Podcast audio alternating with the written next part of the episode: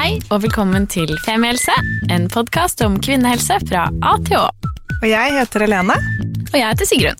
Og vi har startet denne podkasten fordi vi mener at det bør snakkes mye mer om kvinnehelse. Så la oss snakke. Hei! Hallo! Velkommen tilbake til en splitter ny episode av Femihelse. Nå eh, var jo det en veldig munter intro, litt sammenlignet med hva vi skal snakke om i dag. Men ja, vi trenger jo ikke å dume dette til en veldig dyster episode Nei. av den grunn. Nei. For i dag skal vi jo snakke om fødselsangst. Og da vi holdt på å gjøre research i denne episoden, som ja, dere vet at vi gjør ikke så mye research, men vi gjør det i form av å uh, stille dere spørsmål om dere lurer på noe. Og da kom det inn et, veldig, uh, et spørsmål som jeg har tenkt ganske mye på i sammenheng med denne episoden, og det er om det er sånn at folk er mer redde for å føde, eller har mer sånn fødselsangst nå enn det de hadde før. Og det syns jeg er litt spennende, for jeg føler vi snakker Eller det har vært mye snakk om sånn født, i hvert fall fødselsangst, det begrepet å være utrolig redd for å føde. Og det å bearbeide fødsler, det kan det, også fordi vi er litt i den alderen nå. Det er mulig at det har noe med Det er mulig at det har noe med det å gjøre også. Ja. Men eh, nei, så jeg, bare, jeg er litt sånn nysgjerrig på om det er sånn det alltid har vært, eller om man hadde et mer sånn naturlig syn på det før. Og nå skal vi jo ikke egentlig i dag snakke om fødselsangstens historie og opphav, eh, men det kan hende vi kan teppe litt inn på det også. Er du redd for å føde, alene? Nei, jeg tror at uh, denne kroppen her er en fødemaskin. Det, Jeg det tror jeg også. jeg har aldri prøvd, men altså med, det er noe med formene mine, så jeg føler at uh, en unge kommer til å skli ut av meg som en katt. Du ser ut som du er god på å Ja, jeg gleder meg liksom til å kjenne smerten, og jeg gleder meg til å komme gjennom det. Jeg gleder meg skikkelig. Hvis Ja. jeg blir gravid og skal det, da. Mm. Ja, for jeg har samme innstilling. Ja. Jeg er veldig spent. Bare, bare positiv. Gruer meg ikke noen ting. Bare veldig stokt. Mm. Jeg vet ikke om denne kroppen er made, made to give birth. Det føler jeg på en måte ikke, men det er sikkert greit. Tror du må få en liten baby, og da er den det. ja. Så bra. Men eh, det er ikke våre fødsler vi skal snakke om akkurat i dag. Det tar vi senere. For i dag har vi heldigvis med oss eh, fødselslege Torbjørn Broch Steen. Hei, hei. Hallo! Du, jeg ble jo bare så rørt av å høre på dere. At dere har så selvsikker tro på at dere skal føde så fint. Og det har dere mange, på mange måter veldig rett i. At dere sikkert kommer til å gjøre også. Fordi hovedpoenget er at sjansen for at det, dere kommer til å, når den tid kommer, gå gjennom et normalsvangerskap, komme inn med egne rier og føde et sprekt barn uten komplikasjoner, er kjempehøy i seg selv. Og hvis dere har en positiv innstilling, så tror jeg det hjelper skikkelig på. Oi, det er så deilig. Bra, da. bra start. Men Torbjørn, hvem er du egentlig? Hvorfor hvem er du her i dag? Ja, altså Jeg er en uh, fødselslege på Ullevål sykehus. Jeg har jobbet der i 15 år og er jo levende opptatt av eh, femihelse. Det er liksom det jeg har viet livet mitt til. Såpass mye at jeg har skaffet meg fire døtre. Eh, og omgis av kvinner eh, 24-7. Eh, men i det faget jeg driver med, som er fødselshjelp primært, så har jeg en veldig sånn stor eh, interesse i eh, ja, det som kalles på stort mental helse og graviditet og fødsler, eh, men også da spesifikt da fødselsangst. da. Så du kan si liksom at det er eh, Det ligger mitt hjerte nærmest. Ja, det er flaks Så nært faktisk at du også har skrevet en bok som heter 'Hjelp, jeg skal føde'. Ja! Fødselslegens råd til den bekymrede gravide. Nå har ikke jeg funnet på hele tittelen selv, det må jeg få lov til å si at det er mitt forlag Kagge, men, men uh, uansett, det har jeg gjort, og det har jeg gjort med en sånn glede. Ikke fordi nødvendigvis temaet er sånn gledessprengende, men fordi jeg tenker hvis denne boken kan hjelpe én eller to eller tusen, så blir jeg så overlykkelig, fordi det er hjelp å få. Og fødselsangst, det er ganske vanlig, så det er en stor gruppe der ute som kunne hatt behov for en sånn bok. Og så er det ganske mange som ja, hva skal vi si, er litt mindre cocky enn dere som bare har en del sånne bekymringer. og den boken skal ivareta den gruppen også. Så det er helt riktig. Jeg har sett på Instagram at den blir omtalt som strålende. Oh, Ja, Så for dere som har, eh, skal føde, eller bare tenker litt på fødsel, så kan det være noe å sjekke ut. Ja. Mm, veldig. Um, er det, hvor, altså, det finnes kanskje ikke noen statistikk på det, men er det mange som kjenner på fødselsangst? Er det den, er det mer vanlig enn å være cocky eh, fucker som Sigrun og meg? Ja, det er statistikk på alt mulig, og Ja. ting forskes på, heldigvis. Slik at uh, både den boken og det jeg skal snakke om i dag, det har jeg som måte belegg for å si. Jeg har også nå akkurat vært med på å gjøre ferdig et kapittel i dag, faktisk, eh, i den nasjonale veileder om fødselsangst og, mental helse. Så vi vet at det er rundt 3-6% som har en eller annen form for eh, fødselsangst, kanskje opp mot 10% Og så er det litt sånn hva defineres fødselsangst som? Det er det som gjør det litt vanskelig. Vi kan tenke oss at eh, ganske mange har en uro for fødsel, og så må man prøve å skille hva uro og angst er. De fleste av oss vet jo litt hva angst er. ikke sant? Det er den følelsen at man virkelig blir altoppslukt av noe som man føler er veldig skummelt. Altså Det blir sånn fobisk redsel. At du ligger og ikke får sove på natten, at du ikke får tenkt på noe annet, og at det er det som er på en måte, hva skal vi si, hoved, nesten fokuset og, eh, i hele graviditeten din. Eh, og da er det angst. Eh, den gruppen som har mer uro, er eh, mye mer vanlig. Der regner vi er rundt 20% Altså som tenker en del på det og har frykt for en del ting som om, om ting skal gå bra, like bra, og barn og rifter og sånt noe. Men angst er eh, sannsynligvis rundt ja, mellom 5-6-10 et eller annet. Rundt Det er ganske mange. Ja, det er ganske mange. Og er det ulike former? Fordi det slår meg, Jeg har egentlig ikke, jeg jeg har ikke reflektert sånn veldig hardt på uh, uli, altså, hva som er årsaken. Men nå kom jeg på en tidligere kollega jeg hadde som var veldig redd for at det skulle skje noe med barnet. Mm. Um, og så er det noen som er redd for at det skal skje noe med dem, og at det skal være så vondt, og Mm. at, eh, at smertene skal liksom være så vonde at ikke de nærmest kommer seg gjennom det. Er, det. Er jeg inne på liksom ulike fordelinger der, eller hva pleier Du er liksom inne på noe, men du er inne på noe som eh, ligger i, i det jeg tenker er kategorien uro, bare for å legge det på det. Fordi hvis du, hvis du går rundt eh, Nå har ikke dere prøvd å være gravide ennå og skal føde barn, da, men hvis du møter meg som gravid og sier jeg er fremdeles sånn supercocky på dette med å føde, alt skal gå bra, tenker jeg hm, har du ikke noen refleksjoner? Fordi de fleste har jo en viss bekymring for noe nytt, om det eksistensielt. Så alt det der, det er helt normalt. Jeg, når min kone har født en av mine fire barn, så har jeg alltid tenkt håper hun ikke forgifter, håper barnet kommer ut sprekt. Så du må bare leve i det. ikke sant? Og den uroen den kan man leve med. Men når det er angst, så går det dypere. Og Hvis man skal putte kategorier i det, så vil jeg eh, snakke om at enten så er du førstegangsgravid med en sånn type primær fødselsangst. Altså du har ikke født før. Og det viktigste jeg gjør, og nå har jeg sittet i hele dag før jeg kom hit og hatt en poliklinikk, altså snakket med, med reelle kvinner som har alvorlig angst, er å finne ut hvorfor kommer du hit med en sånn type primær fødselsangst. Jeg er helt nødt til å gå bak. Altså med andre ord, Det er ikke bare slik at de kommer og sier hei, jeg er skikkelig redd for å føde, jeg har megaangst, jeg vil ha keisersnitt. Det, det, det er veldig veldig, veldig uvanlig. Det ligger noe bak. Og det som ligger bak, er vanligvis helt konkrete ting. Det er stort sett et levd liv. Hvis man kan tenke tanken at nesten to tredjedeler av alle som har fødselsangst, har vært utsatt for seksuelt overgrep, f.eks. Ikke sant? Og da har du en kvinne som har vært igjennom noe smertefullt, noe uten kontroll, som de kanskje ikke har bearbeidet, som kanskje de har skambelagt, og så har det gått og gnaget på det. Eh, Og så har man tenkt at ah, ja, nå kommer vi oss videre i livet, og så har man funnet seg en partner og får barn, og så plutselig så begynner det å dukke opp noen tanker. Så da er det viktig for meg å kunne veilede dem mot og hva er det vi kan gjøre for å trygge den type kvinne. Omtrent like mange har eh, andre plager, sånn som eh, angst og depresjon. Ganske mange har spisevegring. slik at det jeg gjør når jeg snakker med disse damene, er å finne ut hva er det du egentlig kommer med. Og så bearbeider vi det i forhold til hvordan kan vi tilrettelegge eventuelt en fødsel for deg, så du skal føle deg kjempetrygg, og det er som mantra skal føle deg trygg. Så det er den ene gruppen med fødselsangst-kvinner. Hvor det da ligger noe bakenforliggende. Det ligger noe bakenforliggende. Og det er det som er så innmari viktig. Og derfor så blir jeg liksom nesten sånn provosert når kollegaer av meg tidvis har sagt at åh, det er bare en sånt rop om keisersnitt og sånt noe tu push to push. Glem det.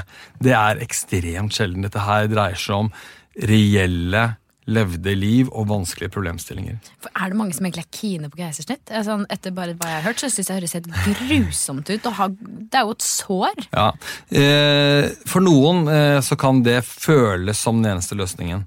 Det er sjelden en god løsning, og eh, i den grad jeg hva skal vi si, ser meg selv vellykket i det jeg jobber med med å veilede kvinner, så har vi også en redusert keisersnittsfrekvens.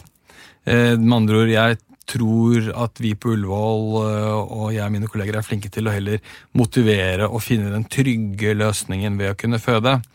Men la oss si du har vært utsatt for et overgrep, for å ta det eksempelet, da. Eh, og du kanskje ikke har snakket ordentlig om det, du har kanskje ikke gått til noen psykolog eller noen bearbeidelse, og så plutselig når du er i uke 28, så bare er alt helt svart. Så kan det hende at det er litt kort tid å komme deg gjennom alle disse tankene. Eh, og, og for noen av de kvinnene så kan det bli riktig med et keisersnitt. Så, så, så det er ikke noe sånn, hva skal vi si, viktig hvordan egentlig barnet kommer ut. Det viktigste er at kvinnen føler seg trygg. Og svar på spørsmålet ditt, er det noen som egentlig ønsker seg keisersnitt, så er det jo det er noen, men den gruppen som gjør det hva skal vi si, av helt andre grunner enn en angst, de er det veldig veldig få. Mm. Det er interessant, fordi eh, når du forteller om dette, så hun, hun, jeg kjente som hadde så fødselsangst og gruet seg så fryktelig, hun hadde også mistet eh, flere familiemedlemmer. Eh, hun var veldig alene, hun hadde nesten ikke noe familie igjen. Og for henne så lå angsten veldig på at både hun og barnet skulle dø under fødsel. Mm. Og jeg tenkte bare det tok meg litt tid før jeg skjønte hvor det kom fra. liksom, At ok, selvfølgelig, du har mistet folk før. Og det når du da plutselig har et barn i magen som du begynner å bli veldig glad i, så trigger jo det selvfølgelig frykten for at det skal skje igjen. At ja, ja. historien skal gjenta seg. Det jeg tenker, eh, er at eh, et svangerskap er på en måte en sånn um, forstørrelsesglass på livet. Uh, det kan komme på mange ting, alt fra blodtrykk og diabetes og sånne ting, men også det levde livet. ikke sant? Så Hvis man har med seg ting i bagasjen, sånn som de sier nå, så kan det absolutt trigge litt vanskelige, vanskelige tanker. ikke sant? Og Hvis man på en måte åpner opp boken som heter 'Verdens fødsler', så vil man jo se at det er farlig å føde og barn dør. ikke sant? Og så er ikke det... Uh, Angst er jo definert som irrasjonell frykt, slik at det er ikke rasjonelt å tro at jeg skal føde et barn som skal dø i Norge. Men til tross for det så er det ikke så vanskelig å tenke tanken at det er en mulighet, og da kan det bare spinne seg videre. Så det er, det er for en del kvinner som på en måte har konkrete, helt sånne 'jeg er redd for akkurat det', de er ganske sånn lette å veilede, for da kan man komme med litt tall og gi litt, gi litt tanker rundt det hele. Mm. For du sa i stad at disse med bakenforliggende grunn, det er én gruppe av de som har fødselsangst. Ja. Betyr det at vi her også har en annen gruppe? Ja, det er helt riktig. Og eh, det er den gruppen som har tidligere traumatiske fødsler. Ikke sant? Fordi de har jeg hørt om. Ja. ja. Eh, og, eh, de også. Ja, de også. Eh, og nå er det jo slik at eh, nå skal ikke jeg si noe vondt til dere kvinner, for det er sikkert flest kvinner som lytter, men, men dere er dere selv verst av og til. fordi det er ikke så helt uvanlig at uh, du står der som gravid og drikker Mozell på fest, og så kommer det en og bare sier Gravid, så hyggelig! ja, Fy fader, jeg hadde den sjuke fødselen. altså bare baler det på seg, ikke sant? Ja. Eh, så noen får det servert, men noen har jo opplevd fødselen vanskelig. Uh, så omtrent halvparten av mine kvinner som kommer til meg, har en traumatisk fødsel. Og så kan man si hva vil det si? Jo, vi regner med at rundt en tredjedel av alle kvinner faktisk opplever fødselen traumatisk. Altså sånn, er, det en, er, det, er, det en, tredjedel som har reelt sett farlige traumatiske fødsler? Nei, men de opplever det sånn. Og det kan være en del ting under den fødselen som kanskje ikke nødvendigvis var så traumatisk, men er det én ting vi er ekstremt dårlige på på mange sykehus i Norge, så er det også debrife litt fødsel. Så det kan være at det har vært dårlig kommunikasjon, det kan være at man har blødd litt mer enn standard, det kan være en sugekoppforløsning eller et akutt keisersnitt eller slike ting. Som gjør at man da har en trigger på at man er redd for å føde på nytt. Og så er det faktisk, hvis man skal gå enda dypere inn i materien og si som noen opplever fødselen liksom sånn hva skal vi si, megatraumatisk. Det betyr at de eh, ville kunne få diagnosen posttraumatisk stressyndrom. Ok, Så den samme opplevelsen som man ville hatt etter f.eks. en at krigstraume eller et overgrep og sånn. Og for den gruppen så er det jo svært viktig med, med, god og ordentlig veiledning. Og det kan være så mange som rundt 5 eh, som, eh, som har en sånn opplevelse. Mm. Jeg tenker, Er man flinke nok i dag, når man har født et barn, til å snakke gjennom den, altså bearbeide den opplevelsen uavhengig av hvordan det blir sett på utenfra som traumatisk eller ikke traumatisk. Fordi det er jo en sjukt heftig opplevelse uansett. Det er, sånn, det er jo ikke så rart at man blir litt preget av det. Nei, jeg syns ikke vi er det. Og dette her er liksom, hva skal vi si Jeg er jo sånn superstolt av å jobbe i et fag som er kult, men ikke bare det, et fag som måte, gjør det sånn internasjonalt sett best. da, you know? Altså, mm kvinnehelse og sånt nå i forhold til fødsler og graviditet i Norge er jo helt på topp. Så det er helt fantastisk. Men er det én ting jeg syns er litt sånn, hva skal vi si, leit, da, så er det at nettopp den biten der er vi nok litt dårlige på. Og så sitter en del og hører på nå som er kanskje jordmødre eller helsesøstre som jobber på helsestasjonene og sier de gjør så godt vi kan, og det gjør de. De gjør skikkelig så godt de kan. Men la oss si jeg skulle uh, ha forløst et barn med et akutt keisersnitt. da så vil det være typisk at jeg snakker med de kanskje på oppvåkningen og sier at ja, det gikk kjempebra, ikke noe problem, og alt gikk bra, barnet er sprekt og sånt noe. Og så drar jeg hjem etter vakt, og så når jeg kommer tilbake, så er den kvinnen dratt på hotell. Og skjønner du? Og så får ikke jeg satt meg ned på sengekanten og liksom virkelig snakket med henne. Hvordan opplevde du det? Om jeg så hadde gjort det, så hadde hun kanskje vært litt sånn Nei, det gikk bra. altså, Jeg lever, og barn lever. Men så, to uker, fem uker, åtte uker etterpå, så begynner det å spinne. ikke sant? Og da er det de ubesvarte spørsmålene som kanskje skulle vært besvart veldig enkelt, som kunne hindret denne hva skal vi si, angsten som utvikler seg. Eh, og så er det jo veldig mange kvinner eh, som kommer til helsestasjonen og så spør eh, jordmor eller helsesøster ja, hvordan syns du fødselen gikk, og har du det bra? Og så svarer de nei, nei, det, det, gikk, det gikk bra. Fint. Ja, har, har, du det bra? Nei, ja, ja, ja, ja, det er fint. For liksom, skjønner du? Eh, kanskje ikke helt viser fram sårbarheten sin i det. Så jeg skulle ønske meg eh, et eh, Og jeg har prøvd kjempelenge med min sjef å skaffe en eller annen sånn type feedback-app hvor vi kan faktisk ta tak i det. For jeg tror det er masse vi kunne gjøre på et sånt eh, tidlig tidspunkt, og såkalt preventivt. Men det er ikke så mye penger i samfunnet for preventiv helse. Men jeg har et spørsmål der, fordi en venninne av meg, hun, og det er shout-out til henne, hun er en av de tøffeste damene jeg vet om, som øh, hadde en da vellykket setefødsel for noen måneder siden. Ja. Men på slutten der så ble det litt dramatisk, og det var bare hodet som, som var igjen, og hun måtte presse ut den på, det på ren vilje. for å si det sånn, Da var det ikke noe rier igjen til å hjelpe henne. Og hun opplevde det som eh, rimelig eh, dramatisk der og da, men da fikk de tilbud om en oppfølgingssamtale hvor de kom inn og fikk lov til å gå igjennom fødselen og stille spørsmål. Er det vanlig, eller har hun da vært ekstra heldig? Du, har du muligheten til å be sykehuset om jeg opplevde, jeg har en del spørsmål, jeg opplevde som traumatisk, kan jeg komme på besøk? Ja, altså Shout-out tilbake til de som tilbød det. da, Det er kjempebra. Ja da, og, og de gangene jeg opplever en fødsel traumatisk og holdt på å si selv, og tenke at dette her liksom er hakket heftigere enn det vanlige, så, så gjør jeg det samme. ikke sant? Så Kom til meg om seks uker, og det fungerer veldig fint. Det, min opplevelse av disse samtalene er at når de føler seg såpass godt ivaretatt at de blir bedt om, tilbake om seks uker, så har de allerede liksom blitt fulgt opp og sett. snakket med og blitt sett. De som kommer til meg, de har på en måte De som kommer til meg da hm, i neste svangerskap og har en traumatisk opplevelse, de har kanskje på papiret ganske sånn normal fødsel.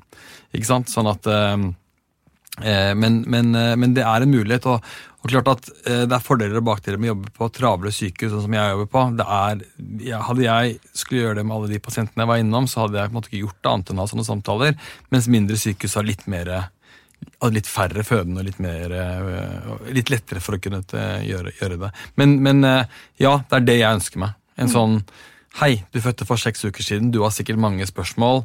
Vennligst trykk her hvis du kontakter sykehuset, så kan vi linke deg fram til den du hadde i fødsel. Ah, så Det fint. så det ønsker vi oss. Ja. Det kan vi lage sammen, så kan vi bare servere det til eh, norske fødeavdelinger. Ja. se hva som skjer. Ok. Men um, hvis man da eh, er noen av de som kjenner på en uro eller angst før fødsel, hva kan man gjøre selv? Eller hva kan man gjøre? Ja, Hva skjer? eh, Det, det, det viktigste er å starte litt tidlig. eh, Og eh, du får noen sånne spørsmål stilt av jordmoren din, eller bør få det. For det første så gir jeg en, en stor reklame alltid til alt jeg snakker om og skriver osv.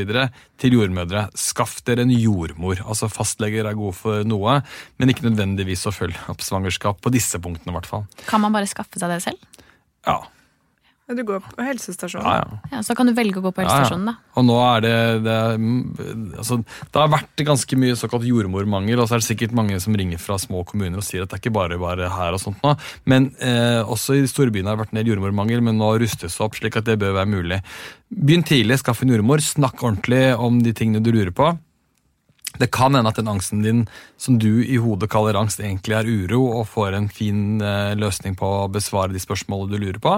Og hvis, det her, eh, hvis man kjenner på at dette her går liksom hakket dypere, og her er det litt mer å ta, ta i, så er det De fleste sykehus har en type samtaletjeneste som jeg driver med, eller jordmødre driver med rundt om i landet, og det kan være en fin eh, det er viktig å gjøre.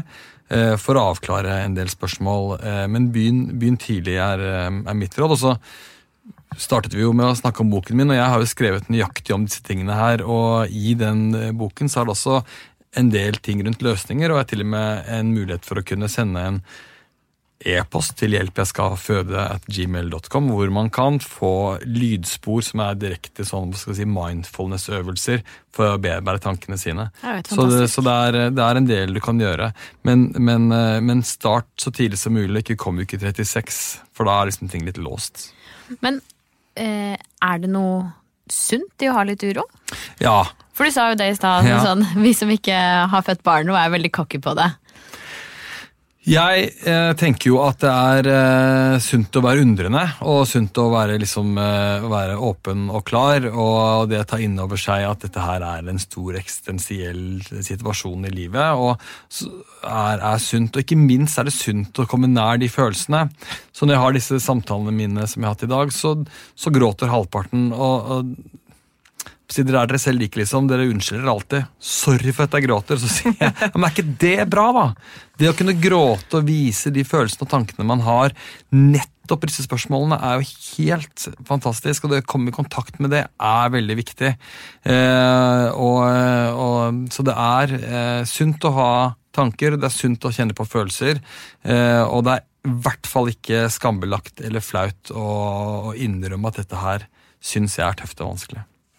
Og Også sånn mm, for å ha en realistisk innstilling til fødsel, for det er jo en heftig Jeg tenker sånn, jo det er fint å være happy og cocky, men også Det blir heftig, da. Ja, jeg tenker jo, eh, jeg, jeg tenker jo at eh, eh, altså, fra mitt ståsted, som både har fått fire av mine egne og tatt imot eh, 2000-3000 barn, så, så er det jo helt fantastisk. Det er jo helt magisk hver gang. Eh, og heldige er dere som får lov til å gå gjennom dette. Og dere blir så utrolig godt ivaretatt i eh, verdens beste helsevesen med tanke på fødsler. Men, eh, men eh, å, å ha en forståelse for at det er ikke sikkert alt går 100% streamline. Kanskje går det ti dager over termin. Kanskje blir det en sugekopp på slutten. Kanskje legger han seg i seteleie. Det er helt i orden å tenke. Og det er jo noe med at eh, Det er i hvert fall noe vi har snakket en del om, og det der med å orke og ikke ha kontroll. eh, føler, eh, føler jeg, må bare si det på den måten, at det en, kan være en, eh, en, en årsak til mye uro hos Ja. mange damer i dag. Og, og uten at det er noe rart i det, for det skjønner jeg veldig godt. Det er nok kanskje det jeg også ville kjent på eh, den dagen jeg, hvis jeg blir gravid, at oi shit, det det her kan jeg faktisk ikke styre, som du selv sa. ikke sant? Akkurat nå det er sånn, Det kan gå over termin, det kan være sugekopp, det kan være seteleie. Du kan ikke liksom putte det inn i et Excel-ark og få det resultatet som du regner med. Derav så har jeg et kapittel i boken min som heter 'Tap av kontroll'. og det er helt superviktig. Og um, uh, av og til når jeg er i, i samtale med disse kvinnene som, som gir meg så mye i seg selv, og, og, uh, og jeg lærer så mye av dem hver gang, så av og til så ser jeg litt på dem med sånn skjevt blikk, og så, og så sier jeg 'er du opptatt av kontroll'? Og så eh, får jeg av og til dette svaret her 'jeg er nok litt kontrollfrik', skjønner du. Jeg yes! jeg så det komme. Eh, men, men så sier jeg eh, Og så blir de litt sånn, hva skal vi si, litt forlegne. For det sier jeg, men altså, det, er, er jo ikke så rart, det. At du eh, har lyst til å kunne sitte i førersetet på noe av det, eller ikke noe av det, det viktigste du skal gjøre i livet ditt. Det er, en, det er en selvfølge, sånn som jeg ser det. Men samtidig så er det viktig å tenke at eller, altså, Hva er kuren mot, eh, mot eh, kontrollfrikhet eller eh, angst for å miste kontroll? Jo, det er dette. Der du skal føde, der er det noen som skal ta vare på deg. De noen er topputdannede. Eh, slik at det jeg pleier å si, er at måten at du skal oppleve kontroll, det er at det er noen, og det vil si verdens beste jordmødre, som tar kontrollen for deg. Og det vi selger inn, som er det viktigste i fødselshjelpen, det er en én-til-én-jordmor. En som er der og er coachen din, og vet dine behov, har lest ditt fødebrev eller mine medisinske anbefalinger i hvordan man skal takle fødselen, og så er de der for å hjelpe deg. Og så er det en ting til. Veldig mange tenker at den største eksamen man har i livet, det er å gå gjennom fødsel og levere perfekt. No. Vi har bestått eksamen. Jeg har bestått eksamen. Jordmor har bestått eksamen. Og det er vår jobb å vise at de tingene vi har lært, og vi kan, og vi vet gjør en kvinne trygg under fødsel, det er det som er måten kvinnen skal oppleve på at hun får en kontrollert og god fødsel. Ikke prestasjonen hun selv tror hun skal gjøre. Det er vår prestasjon. Det Det var veldig poetisk sagt. Ja, det var veldig fint. Men, og veldig sånn ja, Jeg kjenner meg litt igjen i den der at jeg skulle, skulle vært verdensmester i å føde. Og Ja, du startet kanskje- jo i og for seg samtalen Dag, med å si at ja, fødekropp og så, ikke sant? Og da blir det plutselig sånn stor eh, fallhøyde, og så Ja. kanskje jeg møter deg plutselig da Nå skal ikke vi forskuttere at det går vanskelig for deg, men så er det sånn Så ble det ikke helt sånn. Nei, men ikke sant? Det er vi som skal hjelpe deg frem, og du skal ikke oppleve at det er noe fallhøyde hvis det blir annerledes enn det du tenkte det. Og det tenker jeg jo også at, at um, ja, det med det man, altså akkurat det der med det man tenker seg. fordi det er jo akkurat det man ser for seg, det ene og det andre. Og nå er jo jeg midt i en sånn her vortex av fødsler rundt meg, og eh, det blir veldig sjelden slik de hadde tenkt seg. Og det er alltid sånne overraskelsesmoment etterpå som er utrolig fine å høre på. Sånn der, så hadde jeg ikke trodd at det skulle være sånn, men så ble det sånn. Og spesielt hyggelig er det å høre om alle de som er redd for å få Eller alle de. De av, som jeg kjenner som har vært redd for å få nummer to, fordi nummer én har vært litt heftig. Og så var det sånn, nei, det var en helt annen fødsel. Og ikke nødvendigvis at den var 100 ganger lettere eller så mye diggere eller smoothere, men den var annerledes. Og derfor så var den ikke skummel på samme måte som første. Og de, de hadde vært på sykehuset før, de visste hva som skulle skje, de visste smerte, liksom, takten i det. Og det syns jeg er veldig det synes jeg kanskje er den tingen jeg har tatt med meg, at ingen fødsel er lik, selv om du har fått eh, to fra før eller tre fra før. Du, man kan ikke vite hvordan den fødselen blir, da. Nei, og så er det kanskje noe med at eh, på første fødsel så har man liksom en litt sånn satt tanke på at sånn må det bli, sånn skal det være, jeg skal det, jeg skal det. Mannen min eller eh, partneren min da skal stå der med sportsdrikk og nøtter og hva vet jeg, musikk og det ene med det andre, og så skal jeg ikke ha epidural, eller jeg må ha epidural, og jeg skal ikke klippe, eller skjønner du? Og så skjønner man gang nummer to at, eh, vet du hva? I'm just going it for the ride. Og jeg skal møte folk som vet hva jeg trenger og hva jeg har behov for. Og kanskje du hadde liksom skikkelig lyst til det og det, og så ble det ikke så bra. Kona mi har for eksempel, liksom, hun liker godt at jeg, at jeg masserer henne. Og så gjorde jeg det på fødsel nummer tre og var sånn skikkelig klar på nummer fire. å gjøre det. Hun bare 'Kan du være så snill å hente den unna?' Og første fødsel så hadde jeg på liksom flott eh, barokkmusikk, for det skulle være så bra og beroligende. Når fødselen var ferdig, så var det sånn Vet du hva, Det var skikkelig enerverende. Altså. Det, man har en sånn fornemmelse av hva det skal være, og så går man videre og så tenker man at uh, det blir litt mer sånn som det blir, og jeg vet at jeg er i trygge hender. Og jeg tror det er den opplevelsen veldig mange har med fødsel nummer to. Blant annet. Det er Så fint. Det er veldig deilig. Ja. Nei, dette var veldig uh, fint. Er vi klare for en oppsummering, Sigrun? Eller har du noe, sitter du og ruger på noen flere spørsmål? Eh, nei, jeg tror egentlig ikke det. Ja, Skal jeg prøve meg på Ja, en liten oppsummering? Ok, så Vi har jo da snakket om fødselsangst. Og ehm, det første vi kan slå fast, er at det er forskjell på en fødsels... Ah, Nå driver Sigrun og rekker opp hånda. her. Jeg kom på noe. Ja, okay. Hallo, Innledningsvis så spurte jeg om folk var mer redde nå enn før. Ja, Kan du, har du noe å si om det? Fordi Ja, det er jeg er faktisk veldig om nysgjerrig på. Ok, greit. Da Eh, og det er fordi dere har hentet inn en gammel fødselslege, er det det mente? For jeg har jobbet før også. Nei, jeg har jobbet med det i 15 år, da. Det er ikke alltid jeg er all verdens eh, lang tid, men jeg har jo da snakket veldig mye med mine kolleger eh, som har jobbet mye lenger enn meg, og så har vi liksom prøvd å finne ut hva er det det her går i. Jeg tror det er slik at det ikke er noe forandring. Det er ikke noe mer pinglete eller kvinner som har mange mer vanskelige tanker i hodet. eller sånt. Dette handler om at ting er mer belyst og mer, hva skal vi si, mindre stigmatisert. Eh, når jeg snakker med mine kolleger som har jobbet for si, 40-50 år siden, så sier de at det var veldig vanlig at man kom med sånne fysiske problemer. Jeg har veldig alvorlig bekkenløsning, og liksom derfor osv. Altså man kom inn med en annen inngang da, når man ble henvist. Mens nå er det mer sånn rett liksom straight to the point. Så det jeg prøver å si, er at det er eh, sannsynligvis ikke noe mer eller mindre fødselsangst nå enn før. Det er bare at vi belyser det mer, og at eh, før i tiden så var det liksom pakket inn i litt annet uh, ulne ting. Men det som er viktig, er at for ikke så veldig mange år siden så, så hadde veldig mange av mine kolleger liksom fødselsangst er lik ønske om keisersnitt. Det var liksom mine kollegers holdning. Så noen kom og sa at eh, de har kjempeangst for å føde, og så fikk de til svar Så du vil ha keisersnitt, ja? Det er så og så farlig, bla, bla, bla, bla. Og så ble de aldri møtt med egentlig det de trengte å bli møtt med. Det er heldigvis over. Nå er vi mye flinke til også, som jeg sagt om i stad, gå bak. Så fint. Så bra. Ja. Ja. Fornøyd med det svaret. Skal Ja. jeg prøve meg på en oppsummering? Ja, da kan du få lov. Ja, ok. Så uh, vi har i dag snakket om fødselsangst, og uh, det er en forskjell på eh, fødselsangst og det som er en fødselsuro. Og en fødselsuro er da tydeligvis en helt vanlig ting som Sigrun og jeg, jeg må lære, eh, regne med at kommer en gang i livet. Og det handler jo da om at man blir eh, kanskje litt mer påskrudd og selvfølgelig tenker over ting som kan skje, og det er helt vanlig. Men når det utvikler seg til å bli en angst, så er det noe som uh, er mer hemmende for et normalt liv. Da er til alle tanker sorte, og ting spinner, og det er veldig lite som gir mening.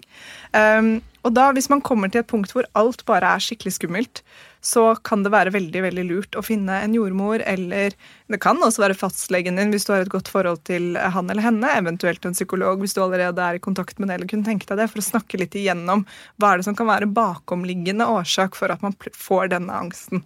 Fordi det Torbjørn da har sett, er at det ofte ligger noe bak som seksuelle overgrep eller andre traumer som kan dukke opp når man plutselig blir gravid og veldig sårbar og kjenner på masse følelser. Um, og fødselsangst er noe man kan få hjelp til å deale med, og det er kjempeviktig at man får, så man ikke skal være alene oppi det. Noe sånt? Wow! Kjempebra! så fint. Helt riktig. Yes, Da besto jeg eksamen i dette. Ja, du hvert gjorde fall. det. Gratulerer, Lene. Tusen takk. Åh, Så bra. Eh, tusen takk, Torbjørn.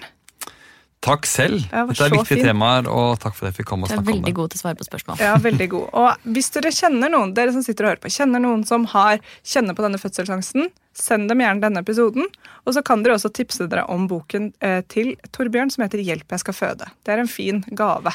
En, en graviditetsgave å få. Ja.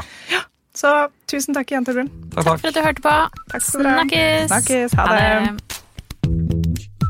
Tusen takk for at du hørte på podkasten vår. Selv om det forhåpentligvis kommer tydelig frem, så vil vi understreke at vi ikke er helsepersonell. Ja, så som vanlig, kontakt legen din om du har noen spørsmål, eller om du skal begynne på noen form for behandling. Og har du et tema som du har lyst til at vi skal snakke om, eller noe ris eller ros, så send oss gjerne en melding på Facebook eller på Instagram. Der finner du oss under Femihelse. Og du kan gjerne rate oss på iTunes, det er skikkelig hyggelig for oss. Ha en fin dag! Ha en kjempefin dag.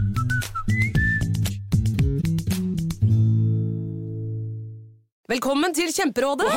Vi har fått inn et kjempekleint problem fra Trine Lure 22. Ok. Jeg leser De to andre i kollektivet mitt har begynt å date, og jeg syns det er veldig kleint når vi skal se på TV sammen, og de bare skal kline. Ok, ja, Hvordan skal hun løse dette? Siden Trine Lure er under 30, får hun jo ubegrenset data fra Telenor fra 399 kroner. Da Da kan hun sette seg på sitt eget rom, streame så mye hun vil på mobilen. Ja, Hun kan jo se på nye mobilabonnement på telenor.no. Ja, det er lurt.